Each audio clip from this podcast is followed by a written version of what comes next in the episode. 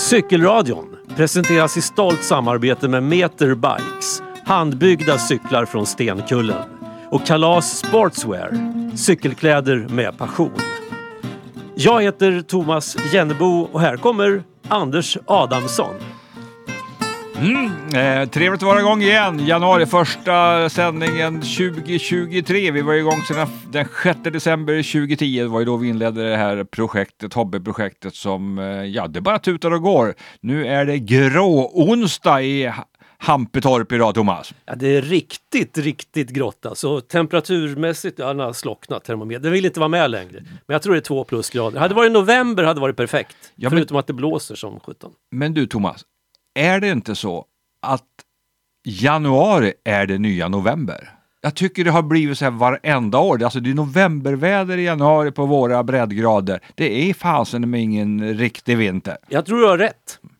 Januari är det nya november. Ja. Betyder det att vi måste ändra på 30 mil i november till 30 mil i januari? Ja, jag såg ju att det var en och annan som fortsätter liksom att tagga sig själva med de här 30 milen under en och samma månad och det var någon på Twitter häromdagen. Ja, nu är jag klar med 30 mil i, i januari. Ja, vi kanske får ändra på det eller lägga till det. För att eh, hur, hur som helst, det har ju varit en jättesporre, åtminstone för mig. 30 mil i november, ja då blev det. Hur många mil blev det i december då? Ah, vet, det var inte så våldsamt många. Och hur många mil har det hittills blivit i januari? Idag mäter vi ju den 25 va? Och det, milen utomhus kan nog räknas till under tre.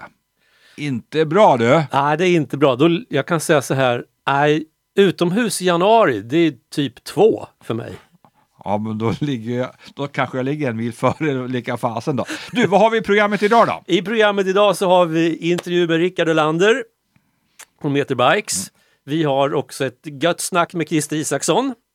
Eh, Den här gången så är han, han rasar inte idag. Nej, så, nej, jag är lite lugn och fin idag. Väldigt lugn och fin. Ja, det, blir, det blir spännande att höra. Mm. Precis, det är eh, den nya Christer då. Ja men så är det. Christer 2023. Eh, sen har vi ju, ja men vi kommer ju redovisa tävling såklart. Det kommer vi göra och jag kommer också berätta lite grann om att cykelsäsongen, alltså den tävlingsmässiga, den professionella, den är igång sedan länge och jag brukar så här års brukar jag liksom raljera och säga lite grann, ja det är flera cyklister som vunnit internationella cykeltävlingar nu i januari än eh, skidåkare som har vunnit skidtävlingar och vi är ju någonstans där. Ja, för det är i full gång, det kommer jag prata om lite senare också så att, eh, och vad vi har framöver. Ja, och, ja, ni vet ungefär hur det kommer bli. Mm. Som vanligt skulle man kunna säga. Ja, och som vanligt har Thomas alltid eh, dragit fram en eh, spellista. Och då spänt lyssnar man, vad kan det vara?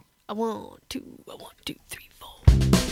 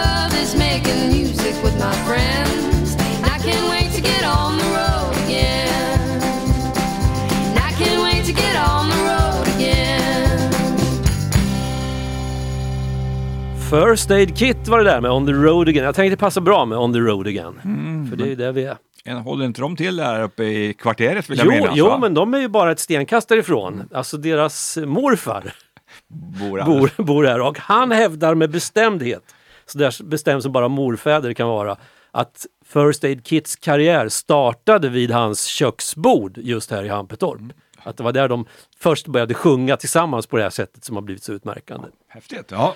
Det roliga är att ibland kan man ju faktiskt eh, se dem här på besök. Så när man är ute på den lilla grusvägen Ja. som går förbi här så kan man möta dem. Det är mycket grusväg eh, i Hampetorp va? Ja. Då tänkte jag lite grann så här, vi, jag tror vi tog upp det lite grann i förra avsnittet också, att eh, nu alltså 2023, då ska vi satsa på lite grusväg. Det vill säga vi ska cykla själva lite grusväg och vi ska liksom prata med folk som kan det här med grusväg. Och då tänker jag så här, är det inte så när man bor i Hampetorp, egentligen Thomas, att det här skulle alltid ha varit en gravelbike för dig? Ja, jo. Om det bara hade funnits eh, längre tillbaka i tiden. Ja, så är det. Så är det. För att eh, den asfalterade tarm till väg vi har, riksväg 52, den, ja, det är asfalt i och för sig, men den är livsfarlig att cykla på. Den är smal och den är fruktansvärt mycket trafik på hela tiden. Tung trafik. Och, Och då tänker jag att många liksom som bor efter landsvägen, eh, och det är ganska mycket människor egentligen runt om i, i Sverige som gör det, att som aldrig kanske cyklar nu av just det skälet att ja men det går ju inte, det är så mycket trafik och det ska man ju eh, ha all respekt för naturligtvis. Då kanske just det här med att cykla gravel kan vara någonting att få in liksom nästan en helt ny krets av eh, personer som kan också cykla och känna av njutningen utav cykelåkning. För börjar man titta på kartor, vilket jag har gjort väldigt mycket nu, alltså jag har ju googlat, jag håller på att googla mig i form inför gravelsäsongen. va? För som, som sagt var, tre mil ute i januari hittills är inte mycket att skryta av. Ja, men då börjar man titta, kan man få ihop den där grusvägen med den där grusvägen? Går det liksom att få... Då ser man att väldigt mycket som är, finns i ens närhet har man liksom aldrig ens sett. Eh, Man har aldrig varit på de där ställena, så, så jag är spänd och förväntan för att se vad finns det runt Örebro som jag inte visste? nej men precis, jag vet, jag gör samma resa egentligen nu igen som jag gjorde 2004. Eh, då bytte jag motorcykel från en sån här utpräglad asfaltsmotorcykel till en mer, man kallar det för grusvägslimousin eh, i de här branschen. Alltså en, en motorcykel som är alldeles utmärkt med grusvägar. Och då plötsligt upptäckte jag vilket kluster av grusvägar det fanns och finns runt om. Inte bara runt om Hampetorp utan i hela Sverige. Eh, och jag är på väg att göra samma grej nu när det handlar om, om cykling. Bara så, ja just det, den där, och den där vägen, och det där sitter ihop med det där, då kan man komma dit. Alltså, Mm. Och jag, jag är den där typen av cyklister som att det gör mig inte så jättemycket om jag inte riktigt har koll när jag svänger in på den, där, på den där lilla grusvägen eller en asfaltsväg för, för den delen också. Jag får se var den, tar, var den tar mig någonstans. Jag har liksom någon idé om att jag ska komma, aha det gick inte, då får jag vända. Det är en del som blir väldigt störda. Fast måste jag vända och åka tillbaka hela bort dit, det var ju så onödigt att åka hit. Men det känner inte jag. Det enda jag känner lite så här, det, tänk om det är en lös springande hund där på någon eh, gård som eh, inte gillar cyklister eller kanske aldrig har sett en cyklist. Undrar vad det är för något. Det är det enda som jag tycker lite kan vara lite irriterande. Men annars är det bara tuta och köra. ja, och man får känna sig som en upptäcktsresande. Ja, precis. Ja, Ja, det är väl häftigt. Mm. Och du har ju varit ute lite grann på din gravel. Jajamensan, alltså jag kunde inte hålla mig. Så jag gjorde premiärturen, sån här shakedown, annandag jul. Eh, ute, ja, men lite så här, det var hyfsat väglag, hyfsat väder och det var gött och så. Sen hem och så finjustera lite sadelposition och sånt där. Sen blev jag ju ruttet dålig. Alla virus i hela världen utom nummer 19 attackerade mig strax före nyår. Eh, och jag har knappt repat mig än. Men i söndags eh, så kände jag att ah, men nu, nu ska jag ut, nu skiter jag det här. Eh, och jag har ju feta, alldeles nya dubbdäck på så att det var bara att, att häva sig iväg. Jättefina såna här skogsbilvägar där ingen hade kört bil. Man hade bara promenerat. Lätt snö och så lite fruset under. Sen kom jag ut till slut på en snöväg där det har varit mycket biltrafik. Men dock inte en plogad väg. Och det är ren blankis i botten på de här körbilspåren. Vad tror du hade dubb då? Ja, det var jättebra. Det kändes väldigt safe. Eh, och så. Men sen på på några ställen så slant det väl till så jag höll nere farten. Och sen så händer det där som förr eller senare måste hända. Gubbe på cykel, isgata. Eh, så att jag vet att jag hann tänka när, när det hände att håll upp huvudet. Så att jag höll i styret, höll upp huvudet och så bara tjoff, en, ett platt fall helt enkelt. Handlöst. En decimeter från en stor sten. Men eh, ah, det gick ju bra. Och, du vet, Ja. och min första tanke var ju sen jag kravlade mig upp på cykeln att första nummer ett, det, var, det är tur att det inte finns någon folk här, ingen såg mig. Eh, nummer två, det är fantastiskt att jag fortfarande i den här åldern, när folk bryter lårbenshalsar och annat, eh, kan klara av en vurpa utan att det känns. Ja, ja. Så att jag satte mig på cykeln och cyk- Fortsatte, ja. fortsatte. Dock väldigt, väldigt långsamt och då insåg jag oj, oj, oj, det här är ju fruktansvärt halt. Eh, insåg jag. Så att, jag tog mig hem och kände mig så ändå lite, ja, det är inte så Berätt, berättade du det för din fru att du Nej, vurpa? det gjorde jag inte. Nej. För att hon hade nämligen sagt innan jag stack iväg, ska du verkligen åka ut och cykla idag? För jag var ute och gick för en stund sedan, det är jättehalt. Du vet, jag har 240 dubb i framdäcket och 240 i bakdäcket. Sprillans nytt. Det, det är jättestadigt. Det är som tåg på räls. Okej, så då sa du såklart ingenting? Jag Nej, sa ingenting. Nej. Och allt var frid och fröjd till fram på kvällen, sitter och tittar på tv, ska gå och hämta påfyllning på kaffet och kommer knappt ur soffan. Då slog det till stelet, jag är inte, det är inget som är brutet men det är lite så här mjuk, Ja. mjukdelar som har fått sig en smäll.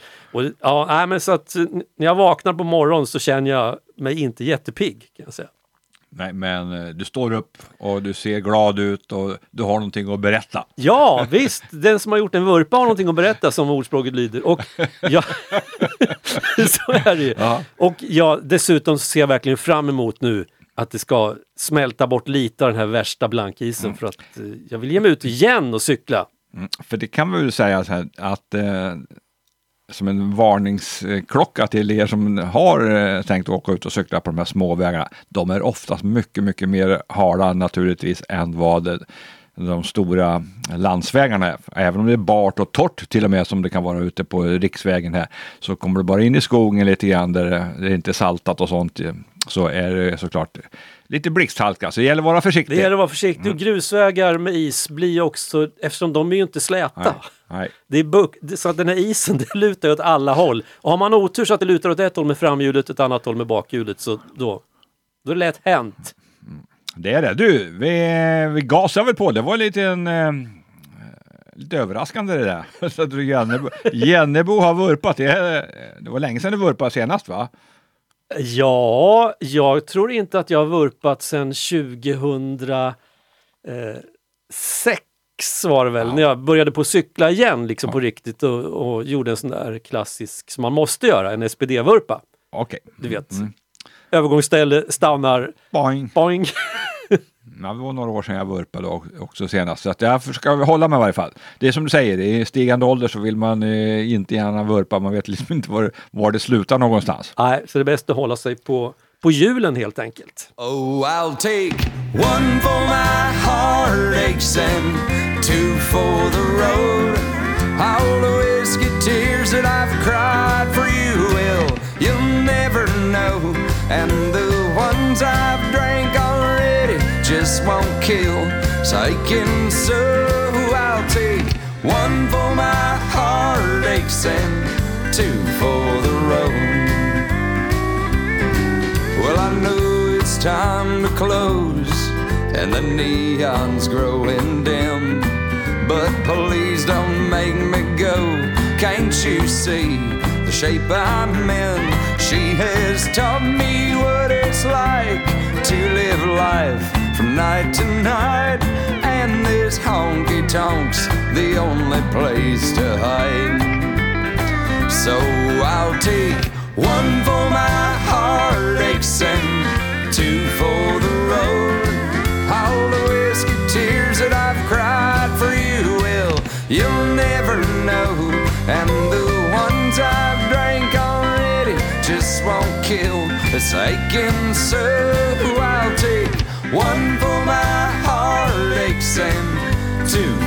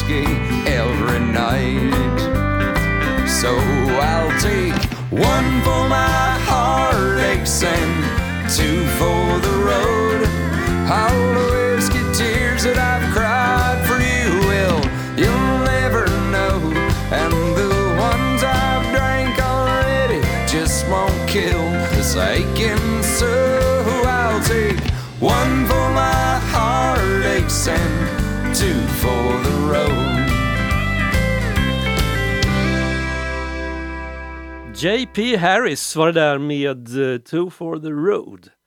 Och nu ska vi prata med Rickard Olander, Meter Bikes. Stenkullen Yes. utanför, ja, utanför Göteborg säger jag, men mer precis, vad ska man säga? Alltså Lerum är ju Ja. liksom närmast eh, lite större orten, men man kan säga mellan Göteborg och Alingsås. Då.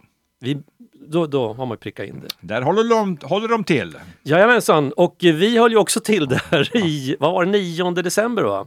Typ, ja. Typ. Så, att, eh, så jag hade ett snack med Rickard på telefon här om dagen så att jag inledde med att tacka för senast. Ja, tack själva. Det var fantastiskt trevligt. Det var eh, väldigt uppskattat. Eh, eh, och det har varit många ringar på vattnet efter det också. Många som kommer in och frågar. Så framförallt är det många som lyssnat på podden i vårt avlånga land som hör av sig också. Och då, de som lyssnade då från förra gången minns ju kanske också att Anders och jag pratade om att nu 2023 ska vi bli lite mer gravel-orienterade i cykelradion. Vi söker oss längre och längre från asfalten helt enkelt. Och, och då passar det så jättebra att vi då dels har tjänstecyklar nu, gravelbikes från Meterbikes. Och Jajamän. liksom inte bara snacka om, om gravel utan också utföra det där rent praktiskt. Hur ser du på gravelsäsongen 2023? Eh, fortfarande är det ju snö och issäsong men det blir väl gravel vad det lider?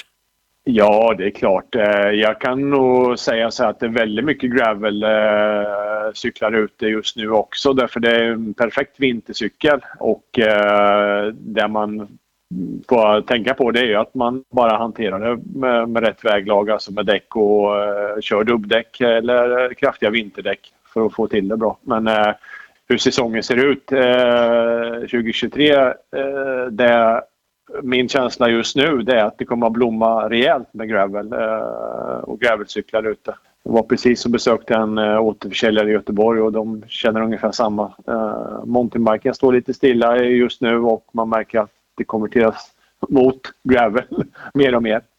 Mm, riktigt kul. Jag har ju som sagt eh, inte hunnit cykla jättemycket på, på den här cykeln som, som jag har nu fr- från er. Men i alla fall lite känt på den och den största skillnaden som jag tycker mot en jag har ju en cykelcross som jag har kört med på vintern tidigare, en single speed cykelcross och så har jag en, en racer som jag kör på sommaren. Det är att den här känns ju inte riktigt lika nervös som min racer, så kan jag säga. Ja, nej, precis. Och det var det vi pratade om lite sist också. Det, det blir ju en liten annan gång i det. Och eh, igen med sittställningen också och geometrin så, så blir det lite godare eh, eh, känsla. Ja men det gör det. Och eh, samtidigt som man har den här lite, ja, men, lite racercykelkänsla så, så det är ungefär lite grann som jag tänker med sån här en, SUV. En sån här stadsjeep fast på, Ja. på två hjul. Ja, jo, men det, det ligger lite i det. Just den här typen av cykel, alltså Meter K där, så, så är det lite åt det hållet. Eh, Visst, det finns ju som vi sa sist också eh, jättemer avancerade gravelcyklar men den här typen av cykel eh, är nog rätt beskrivning. Lite SUV. Och den lockar ju verkligen till, till mer cykling. Så jag hör väl till de här nu som, som hoppas på några rejäla mildväder framöver så man kan få ut och cykla ordentligt. Ja, precis. Eh, jo, men det kommer väl snart. Men det tar eh, någon månad drygt till innan vi är där. Men eh, jag säger det igen. Eh, testa och köra lite nu också på vintern. Men eh, sätt på dubbdäck så kan man nog köra på de flesta grusvägar ändå. Trots att det är lite isigt nu. Och det är fantastiskt. Ja, och i takt med att dagarna nu blir längre och längre så vi pratar ju ofta om vintercykling i början på vintern men jag kan ju tänka mig att det är många som är lite sugna nu när det ändå lenar upp lite temperaturerna, dagarna blir längre och det är lite le- fler timmar med ljust. Har du något bra, Ja. för jag vet många som pratar med mig och säger ja men det är kul det där men det är så himla svårt att klä sig för vintercykling. Och jag vet ju Ja. att du kör ju rätt mycket på vintern också. Har du något bra Ja. tips hur man ska klä sig? Ah.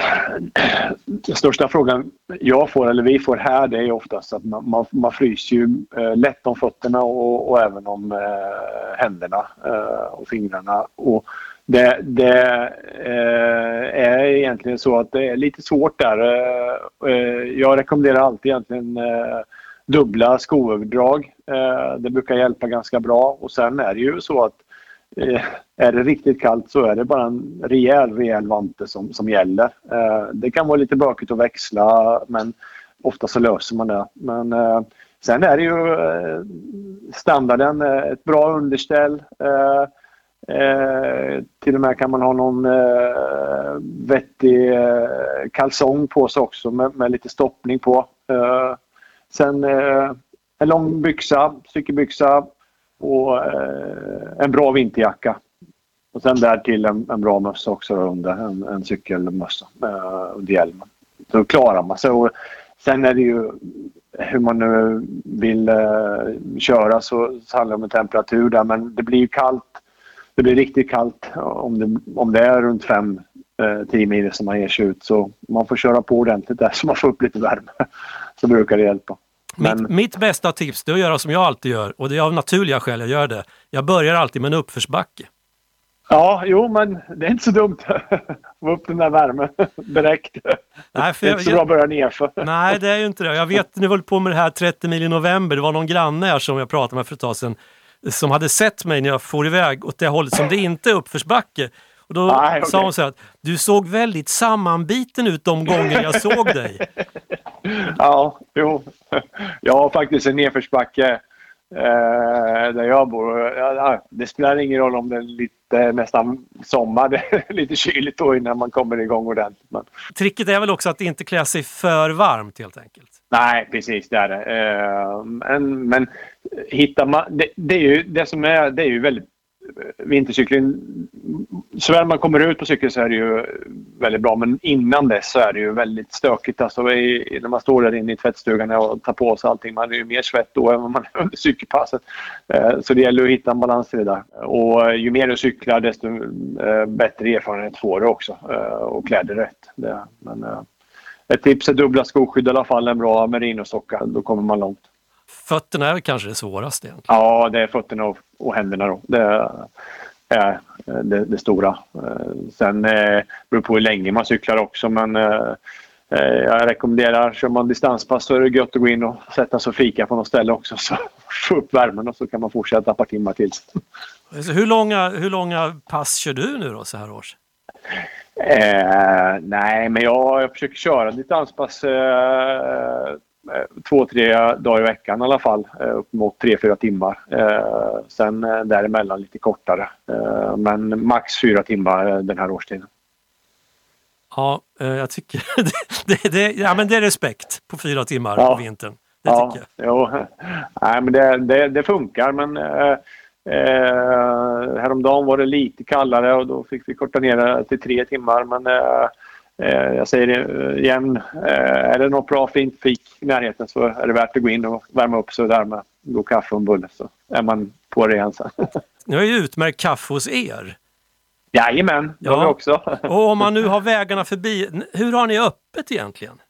Eh, ja, vi har haft eh, lite höst och vintertid här nu. Eh, eller vintertider. Och eh, då har vi haft eh, öppet mellan 7.30 och 13.00. Men sen har vi också varit väldigt flexibla därför de som vill komma lite senare på eftermiddagen har vi kunnat hålla upp öppet för också. Men nu eh, ändrar vi öppettider också till våren och då är det lite mer spretigt. Men eh, eh eftersom vi gärna vill cykla lite också så har vi inte öppet fulla, fulla dagar. Men Eh, 07.00 till 13.00 och sen eh, kör vi ett par dagar i veckan till där vi är uppe 13 till 17.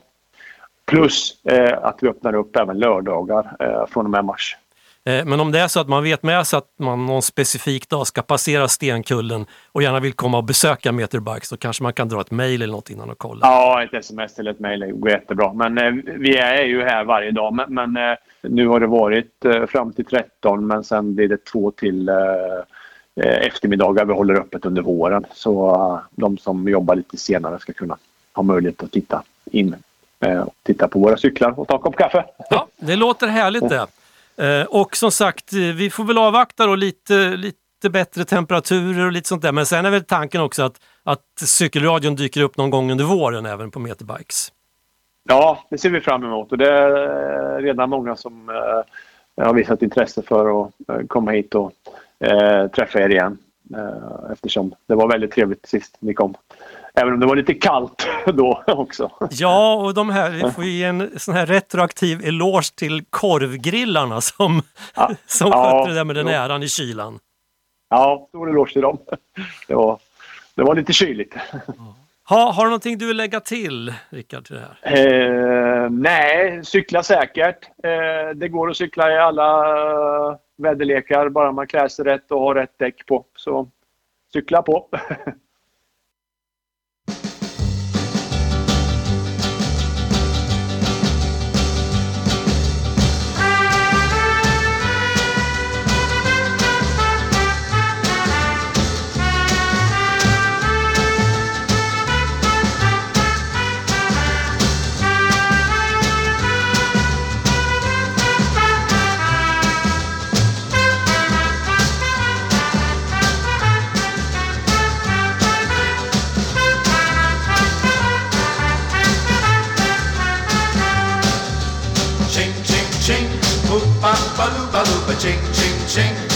ba la boo. Ching ching ching, boop ba ba loo ba loo ba ching ching ching ching. Ching ching ching, boop ba ba loo ba loo ba ching ching ching, boop ba la boo. Ching ching ching, boop ba ba loo ba loo ba ching ching ching. Ching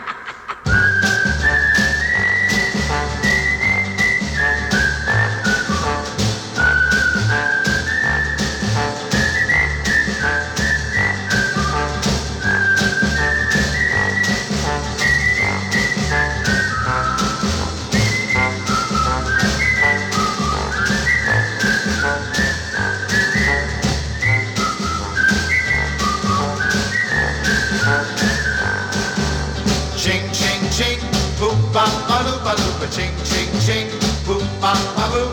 Ching ching ching, boop ba ba loo ba loo ching ching ching. Ching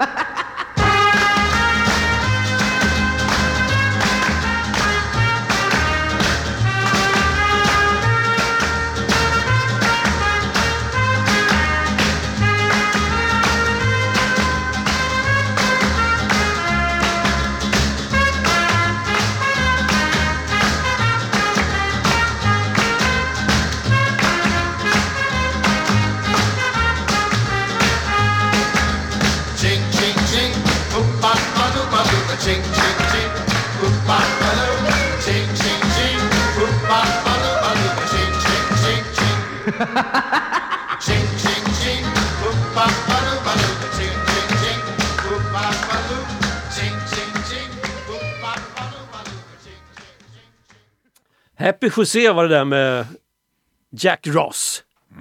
Fin låt. Fin låt och fin eh, intervju du hade där med eh, Rickard som har blivit riktigt inbiten gravelcyklist. Jag har alltid varit cyklist men jag tänker också att han har haft mycket att göra genom året och nu är han i den där åldern, vet du, det som du och jag redan har varit i. Och jag minns ju den där åldern när man kanske inte behövde så mycket för sina barn Eh, ja, man behövs ju alltid för sina barn, men behöver ju inte stå på pass hela tiden. Så eh, lite nyvunnen liksom kärlek tillbaka till cykelåkningen som han delade med sig av lite grann där. Så att det är bra. Och just det med kläder. Kläder är väl tillsammans egentligen. Jag vill, jag vill nästan påstå att kläderna är den största skillnaden idag mot när jag åkte cykel. Även om cyklarna naturligtvis har utvecklats så känns det på något sätt att kläderna har blivit så vansinnigt mycket bättre.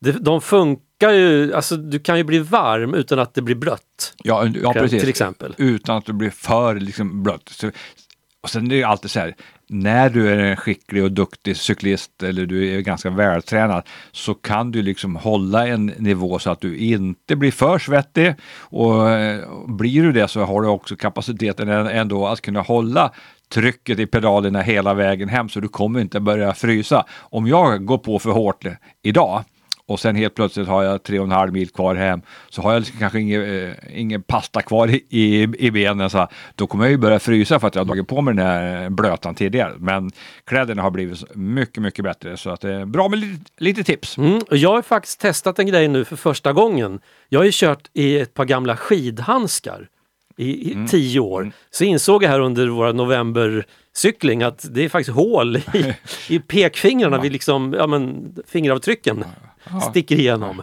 Eh, så att då skaffade jag ett par nya, så jag skaffade ett par såna handskar som är som krabbklor, alltså med två. Eh, jättekonstigt i början att cykla med såklart, för att man inte, jag vill kunna spreta med fingrarna men jag har vant mig. Det funkar jättebra. Så- De, sådana har jag kört med i 10 år faktiskt, kanske till och med 15 år. Jag tycker de är, de är perfekta egentligen. Ja. Och de är rätt bra eh, när jag håller på med min andra passion också, långfärdsskridskor. Då är det också bra med de här krabbklorna. Förutom att jag har fruktansvärt dålig cirkulation. Jag pratade om det tidigare, så nu, nu har jag batterier i mina eh, nyinförskaffade vantar för just långfärdsskridskor. Ja, det. Jag har ju fortfarande, jag har ju sån tur så att jag, har ju, jag kan ju frysa hemskt om, om fingrar och, fötter när jag börjar men ganska snart så blir jag ju varm både om fötterna och framförallt om händerna. Och det, Okej, det är bra för dig. det är jättebra. Kul för dig Thomas! Ja visst, och kul var det häromdagen, eller häromdagen, igår. Jag pratade med Christer Isaksson. Han brukar ju rasa över saker och ting, vara väldigt sådär, men nej, han, han, han, han hade ett milt leende på läpparna och hans blick var vänlig. Och jag var tvungen att fråga, vad är det som har hänt? Hur kommer det här sig? Ny cykel. Det är en väldigt härlig känsla faktiskt. Det, det, det, jag är i varje fall inte sån som liksom skaffar ny cykel var och varannat år. Va? Utan det går några år emellan och sådär. Och så till slut så har, har man vant sig vid den här gamla hedliga saken man har och, och så vidare. Och så dyker upp en ny cykel. Oj, oj, oj, det är så härligt. nu är man som en liten kille på julafton där. Men då, nu när du har en ny cykel, jag vet ju hur jag gjorde när jag fick hem min nya cykel. Mm. Eh, Den stod ju här i Studio Konstans i några veckor. Ja. Jag, jag provsatt lite och justerade och provsatt. eh, Sen till slut kunde jag inte hålla mig längre utan då var det på med dubbdäcken och så ut och köra.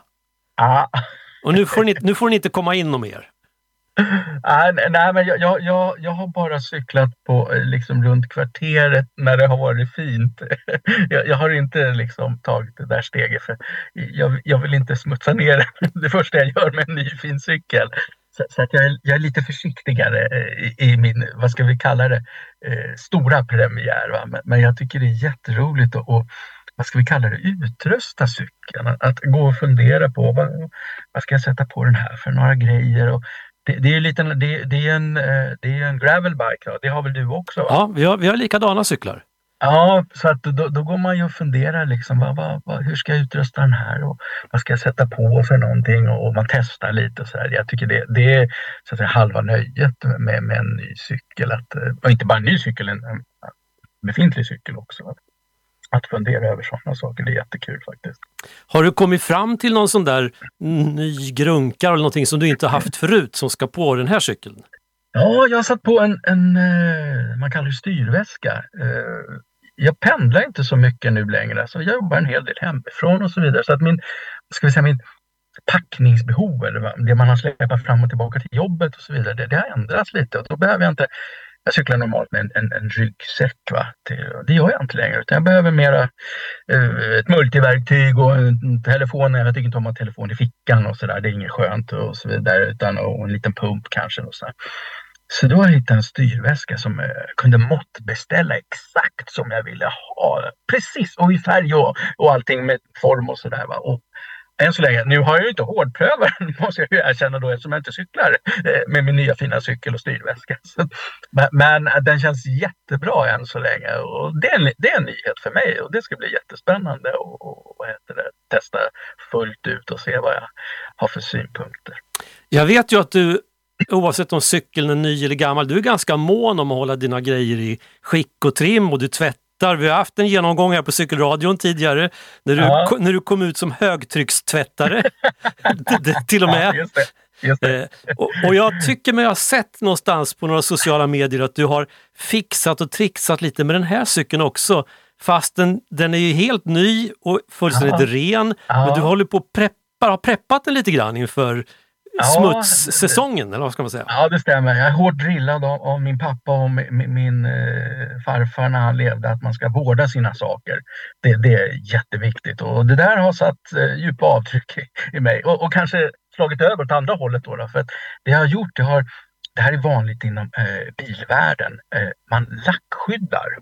Alltså man, man, man lägger på en form av keramisk hinna Eh, på, på, eh, på heter det, lacken på ramen. Då, då. Och den där blir ju ganska motståndskraftig och, och slitstark om man jämför med att bara ha vanliga lacken. Va? Så att eh, skiten fastnar knappt på cykeln. Eh, och den skit som fastnar den är jättelätt att bara spola bort. Eh, och, och bäst resultat får man ju på en en lack som så att säga är ny eller eh, inga, inga repor, att man till exempel har polerat den. För då, då, då förseglas ju den in i, i, i den här då. Eh, så att därför tänkte jag att oj, nu har jag ju en ny och blank fin cykel. Nu, nu passar jag på och gör det här och, och så ska jag se hur det liksom eh, eh utvecklas över, över åren. Då, då. Eh, man får ju underhålla det där kanske en gång om året eller så vidare så att det, så att det där skyddet finns kvar. Va? Så att, eh, det, det, var, det var jag, istället för att cykla på den har jag ägnat mig åt då, då, att, att vårda den och ta hand om den. Eh, Kanske in absurdum kan nog en del tycka också, men sånt här tycker jag är kul. Hur pass komplicerat är det att göra en sån här lackförsegling på cykeln? Alltså det är ju väl, eller väldigt lätt nu. När den är ny, i och med att som, som jag sa, om man har en, en äldre som är lite repig så här, då bör man polera den för, för att få lacken fin och jämn och få bort de här små reporna och så vidare. Det är ju. Det ska inte vara det på en ny cykel och det var definitivt inte det på min nya cykel. Då är det ju så att säga egentligen bara att eh, man använder någon eh, jag tror det heter isopropanol, alltså en stark alkohol som man torkar av ramen med eh, för att få den ren från fett och fingeravtryck och så vidare. Och sen lägger man bara på det här. Det, det, det, det finns i sprayformat. Eh, och, och man sprayar i en mikrofiberduk eller en, en applikator som det heter. Så, så eh, eh, vad heter det, eh, knider man på, bara på den på lacken och sen ganska snabbt därefter så torkar man av eh, så att säga en del av den här medlet som man har spridit ut på, på ramen. Och då har man fått den här så att säga, hinnan. Då, då. Sen ska den där helst härdas i ett dygn eller något sånt där så man ska inte ut och cykla i regnet eller ledan direkt. Va? Så får man den här hårda hinnan som, som sitter då på, på ramen. Så att, eh, det är inte särskilt eh, omständigt och så vidare. Det, det kan jag inte säga. Att jag, jag tyckte i varje fall inte. Det är som är ungefär tvätta en cykel.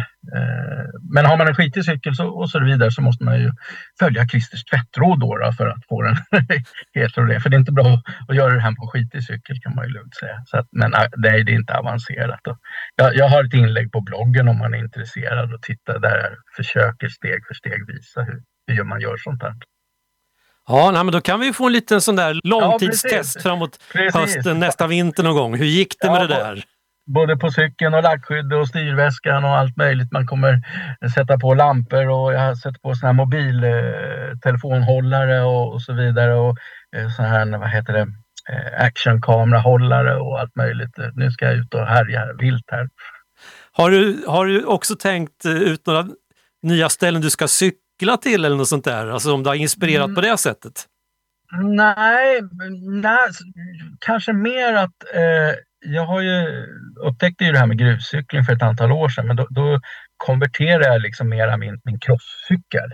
Eh, så, så det ska bli spännande att, vad ska vi säga, mer hårdtesta den här då som är lite så att säga gravelinriktad och, och se upplever jag skillnad och så vidare. Så att det är väl mer att, att cykla ännu mer grus eh, ska, ska bli väldigt roligt att och, och göra. Det, det är verkligen någonting som har gått igång på väldigt mycket och, och jag har ju även de gånger jag pendlar till och från jobbet så, så, så um, bara med lite få små omvägar så, så har jag ganska många grussträckor. Det, det är inte så vanligt, jag bor i, i Stockholm, det, det, det liksom dräller inte av, men, men det, det finns nu på min, eh, pendlingsväg och det, det är jättekul att liksom på hemvägen eller ditvägen ta en liten omväg och, och få liksom slippa biltrafiken, komma in i naturreservaten och så vidare och, och få en helt annat början eller avslut på dagen. Så att, eh, det är väl mera att cykla mera sånt, In, inte nödvändigtvis eh, nya, nya ställen, men, men det kanske kommer. Jag har ju förmånen att jag, jag cyklar en hel del i tjänsten också och, och eh, delar av den eh, kommun jag arbetar i, i är höll på att säga, nästan en landsbygdskommun även fast den ligger i Stockholms län. Då. Och, och, när man är i de områdena då är det nästan så att säga eh, man måste ha ett sånt här tjänstefordon för annars kommer man inte fram.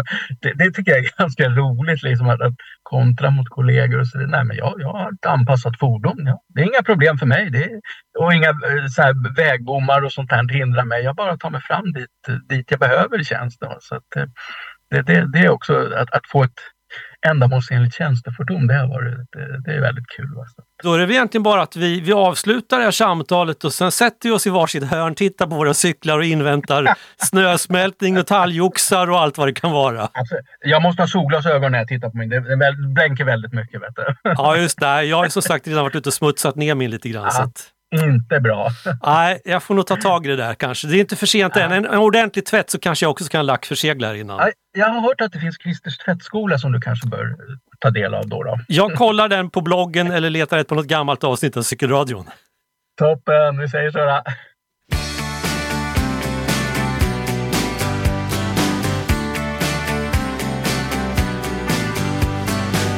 Being beat up Sent up and I've been shut down. You're the best thing that I've ever found. Handle me with care.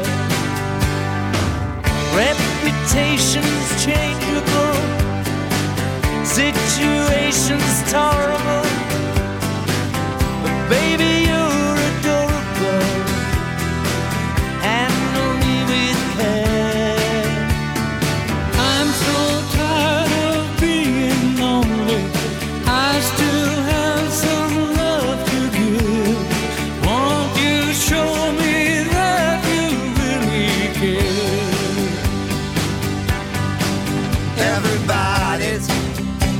Somebody to lean on. Put your body next to mine and dream on. I've been bobbed up and I've been fooled. I've been robbed and ridiculed in daycare centers and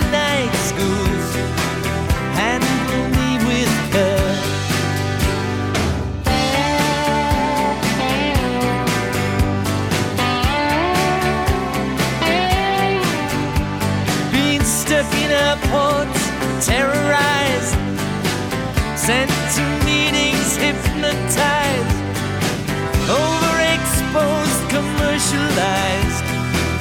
Handle me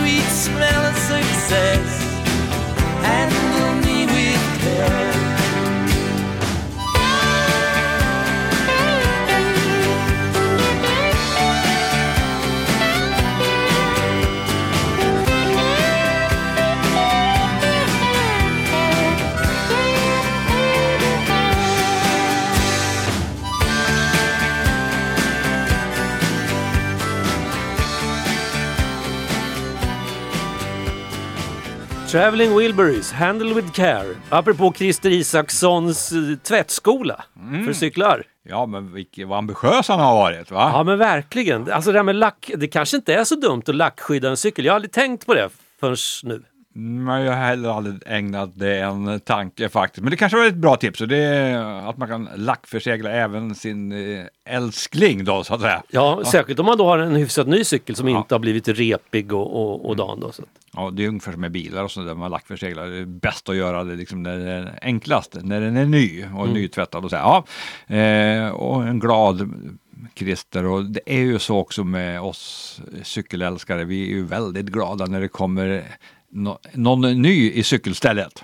Så är det, absolut. Hur många cyklar behöver Ja, man? mm, det är som vanligt, vet du, man behöver bara en till. Sen är man riktigt nöjd en liten stund då, för man, be- man spanar på nästa cykel. Men just nu spanar jag inte. Nu spanar jag faktiskt efter att bli av med cyklar. Jag blev av med en gammal Sword Bottecchia eh, som har hängt i garaget sedan 1900 90 har den hängt där, 91 tror jag. Den har den hängt där och det var min sons första tävlingscykel som han hade. Ja, och så har jag sagt åt honom, ja men du kan väl komma och hämta den. Ja, nej, nej, jag har inte plats. Nej, men jag har heller inte plats. Ja, men då gör jag av med den. Nej, det får du inte göra, säger han. Så då, men nu gjorde jag slag i saken och la ut den till försäljning och den, den gick direkt. Fin cykel var det, men den fick inte plats därför jag skulle in med en gravel och nu ska jag in med någonting mera tänker jag liksom för att det, det är inte jag vill bli av med lite cyklar och lite cykelprylar. Och det finns lite olika communities för att bli av med dem på ett enkelt och bra sätt. Det finns alltid någon som vill använda, någon som vill f- fin eh, lira och få ihop något gammalt. Eh, retro är ju poppis. Så är det. Och det som är en grej som också är väldigt kul med att cykla det är att det är begriplig teknik så det går ju att mecka och fixa och dona. Äv- Även om man inte är liksom utbildad ingenjör och mekaniker. Ja, men snart är det väl att man måste vara det också på de här moderna cyklarna. Va? Ja, nej, eh, all elektronik, Ja, oh. ja, det, det är roligt vet du. Ja, det, usch, nej, Nej. inte att meka med, men det är roligt att ha. Det är roligt att ha. Så är det och roligt att ha det är att en ny cykelsäsong är igång ordentligt eh, tävlingsmässigt. World Touren är World Tour-tävlingar. De allra bästa lagen är ju skyldiga att köra alla World Tour-tävlingar. Det inleddes ju alltihopa med Tour Down Under. För eh, förra veckan så drog man igång det, både herrar och damer. Och eh, hade, vi hade inga svenska deltagare med, ska vi säga, i, vare sig på herrsidan eller på damsidan.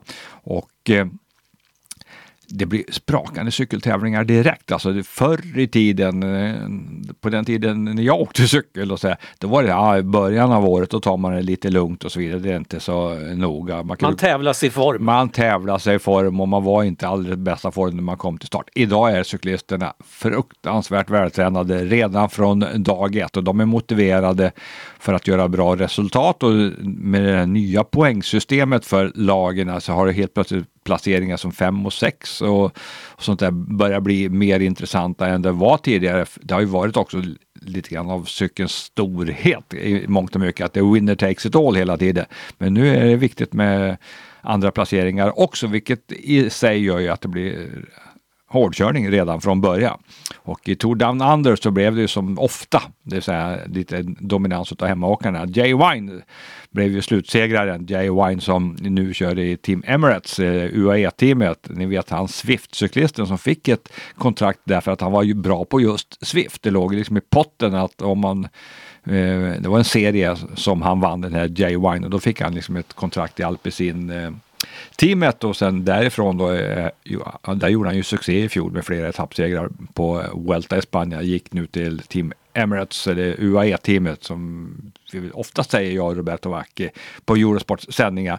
Så eh, segrade han där och sen är det igång också. Världsmästare Remco Evenepoel är, är igång och viftar och härjar på organisationer och så vidare. Precis som det, allt det som det ska vara. Han är i vansinnigt bra form i Argentina för närvarande där vi har kört tre stycken etapper.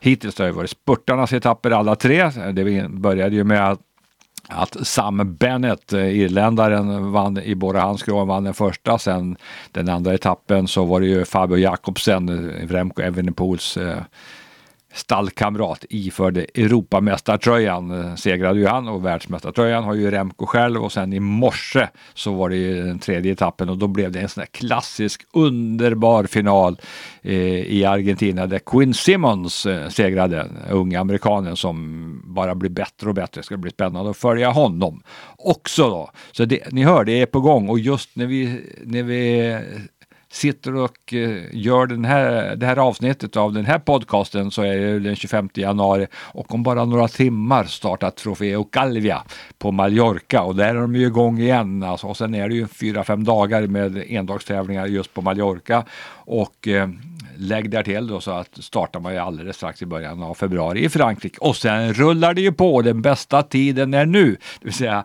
när det är mycket endagstävlingar. Det gillar jag så det verkar faktiskt med endagstävlingar. Så jag längtar Ja, det gör jag varje år egentligen till våren. Eh, dels temperaturmässigt och allt vad det innebär, men just de här endagstävlingarna och de prestigefyllda som är Het Newsblad är ju den allra första sist, sista lördagen i februari månad och sen rasar det på ända fram till Giro d'Italia drar igång vid eh, maj månad. Det finns en del etapplopp insprängda där också, men det är just en, endagstävlingarna som jag är fascinerad utav och det är ju så också att damcykel växer och det blir fler och fler eh, tävlingar utav de här klassiska som också har en, en damvariant som de inte haft tidigare. Ser vi fram emot att följa. Och nu är det Discovery Plus som gäller. Eurosport Player Eh, ni som har haft det och inte liksom varit inne tidigare kommer upptäcka att den har upphört utan nu ligger liksom Eurosport sändningar på Discovery Plus. Så där måste man ha för att man ska följa cykel och man kan följa ta med tusan allting. Det har aldrig varit så mycket cykel som det är nu på Discovery Plus eh, den här säsongen. Så det är bara mumma för cykelälskare. Välj och vraka så mycket ni kan. Mm, det låter gött det. och då är man ju också i det här dilemmat som tittare. Jag vill ju att det ska vara fint väder på våren. Soligt, göken gal, fåglarna kvittrar och grusvägarna ligger eh, torra och fina. Samtidigt så vill jag ju att det ska vara ruttet väder så jag kan sitta in och titta på TV på cykling med gott samvete. Mm, men ska du ha gott samvete Thomas, då tycker jag du ska göra följande. Eh, du ska inte ha klockan ställd överhuvudtaget. Det behöver man inte om man inte har ett arbete som man måste gå till. Och det behöver inte du och det behöver inte jag i den här åldern heller. Så vi behöver aldrig mer ha klockan ställd för att gå upp och eh, förtjäna vårat levebröd. Eh, så du kan sova så länge du vill. Eh, det brukar vara framåt halv sju, sju, tänker jag. Typ. Så ser det ut för mig också. Men sen kan du cykla lite grann på förmiddagen. Det tycker jag är tipset. Och sen kan du titta lite grann på cykel på eftermiddagen. Och sen är det så att du måste inte se allt, utan du kan se det sista timmen brukar ofta räcka för att man se det allra bästa. Tips från coachen, Tips från, från eh, spiken höll jag på att säga. livscoachen när Ja. det gäller cykelfrågor. Ja, men jättebra, cykla förmiddagen, softa framför tvtvn på eftermiddagen en stund. Ja, lansera det i, i ditt hem, får se hur det, Det ska- går. jag, jag rapporterar nästa gång. Ja, det är bra. Ja, fint. Du, på tal om rapporter. Yes. Vi har ju fått en hel del alltså i samband med tävlingen senast. Ja. Eh, då efterlyste du också, eh, du ville ju veta vad folk sysslade med när de, när de lyssnade på ja, cykelradion. det var lite spännande. Ja. Och vad mycket svar vi har fått och vad mycket härliga... Okej. Ja, men jättemycket. Och, och i stort sett alla som svarade skickade ju också med ett litet inspel där, Mm. hur det går till. Några stängde i sitt rum, vill ha lugn och ro, liksom högtid, kopp kaffe. Men jag tror det vanligaste, det var nog nästan promenera med hunden. Mm. Faktiskt, ja.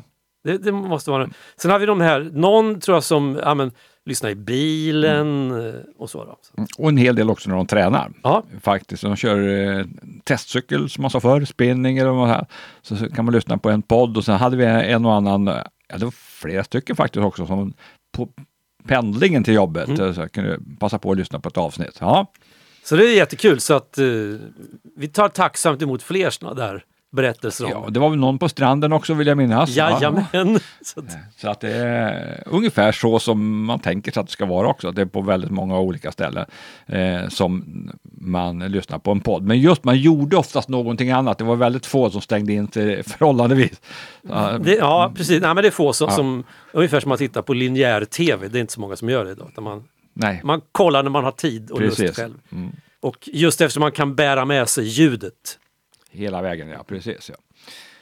ja, hur länge har vi varit på? Vi Du- brukar köra en timme brukar jag Ja, säga. då- då får vi, vi, vi är nog inne på själva det spurten här snart faktiskt. 54 minuter, 55 minuter, pip. Ja, Pippi, men du, då är det dags att plocka fram eh, tombolan. Frågan var ju om just det var en grusvägsfråga, så svaret var ju Strade Bianche, de vita vägarna i Toscana. Och det har ju blivit en klassisk cykeltävling på väldigt kort tid. Annars brukar vi säga att de där klassiska Paris-Roubaix har hållit på sedan 1896 och eh, Liège Baston Liège från 1892 och Flandern runt från 1907 eller vad det var. De har hållit på väldigt länge, men Strade Bianca har blivit en prestigefylld endagstävling och det går ju första lördagen i mars månad, Strade Bianca i år. Och eh, mycket, mycket prestigefylld och det är en 5-6 mil grusväg ju. Just som man kör och i fjol var det uppvisning av Tadej Pogacar som gick solo med över 5 mil kvar. Det kan bli något liknande i år kanske. Också sagt, den här tävlingen blev ju en klassiker redan första gången den kördes.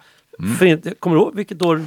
Oh, 20... Det är kanske det som är frågan. Nej. Nej, nej, frågan var det Strade Bianche, men eh, jag vet ju att... Eh, Ja, det är modern tid i alla fall, verkligen. Ja, ja, det var, svenskarna var ju bra. Thomas Löfqvist körde ju bra där och Marcus Ljungqvist körde bra och placerade sig där. Så det är ju på 2000-talet. Mm.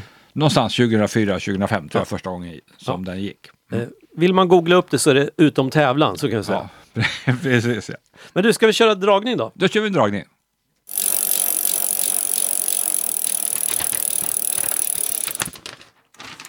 Nu ska vi se. Uh, Strade Bianchi, italienska grusvägar. Jag brukar lyssna på cykelradion i bilen till eller från jobbet eftersom jag har 55, mi- nej, 55 minuter till jobb. 55 mil. 55 minuter till jobbet brukar det vara perfekt längd på avsnitten. Med vänlig hälsning Per Kalin Paulsson, Stora Mellösa. Oj, Då blir det leverans på cykel av tröjan tror jag. det kan det nog bli. Det trevligt. Jag passerar ju Stora Mellösa när jag åker till studion här där vi sitter Ja. nu. Precis. Jag har ingen tröja med mig, annars kunde jag slängt in den till eh, Per Kalin. Grattis till honom! Och på tal om Stora Mellösa. du. Vi hade, eh, på 80-talet när vi var, tränade som allra mest eh, i, runt Örebro cyklisterna. Just i Örebro så bodde ju många andra cyklister också. Jag hade en kompis uppifrån Umeå som bodde i Örebro. Tävlade aldrig för Öre, Örebrocyklisterna tror jag, utan tävlade från lite andra eh, klubbar. Nej förresten, han var inte alls från Umeå, han var från Skellefteå. Så var det, han var från Skellefteå. Men då hur som av, av er så var han ju, som många av oss på den tiden, på läger i, i Italien.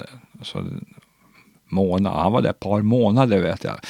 Eh, min kompis där. Sen kom han ju hem här till Örebro och sen eh, tog det någon dag, sen, i varje fall så träffade jag honom och så sa han, frågade jag, har du varit ute och kört? inte?" Ja, jag har kört. Ja, vad körde du för runda? Ja, jag körde ju där förbi Sankt Mellösa, sa han. Sankt Mellösa? Ja, jag ser att det, fanns, det heter Stora Mellösa. Men då hade han varit så mycket i Italien, vet du, ST, då blev det liksom det, Sankta Lucia och så vidare. Så då blev det Sankt Mellösa. Sankt. Mellösa, det är fint. Ja, det är fint, ja.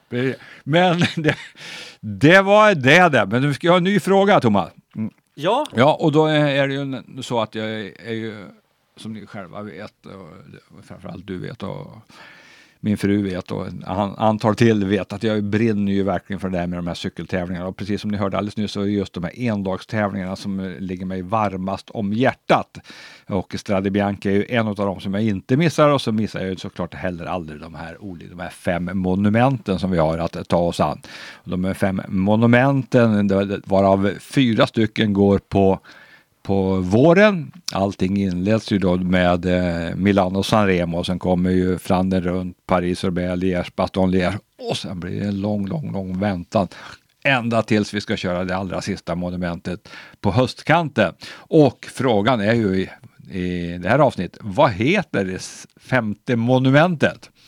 Kan ni det så skickar ni svaret till redaktionen snabel-a cykelradion.se. Mm, Och ert svar vill vi ha innan nästa sändning går igång. Det kommer väl en sändning i februari någon gång, tänker vi va? Det tror vi absolut. Det är en kort månad men eh, vi är snabba och raska så vi fixar det. Ja, och så passar ni på att skicka in det. Och har ni något att berätta, någon anekdot eller något sånt där så är vi glada för det. Det är alltid roligt att se liksom vad som händer och en och annan av de här lyfter vi upp i eh, våra sändningar. Så är det. Med det så stänger vi butiken. Om vi slutar nu, då går vi mål på en timme prick. Mm, och då får Per Kalin ta det lite en, vad ska jag säga, vara lite försiktig med gaspedalen då för att man ska hinna med hela det här avsnittet. Kör lugnt som vi brukar säga. Ha det gott, hej svejs!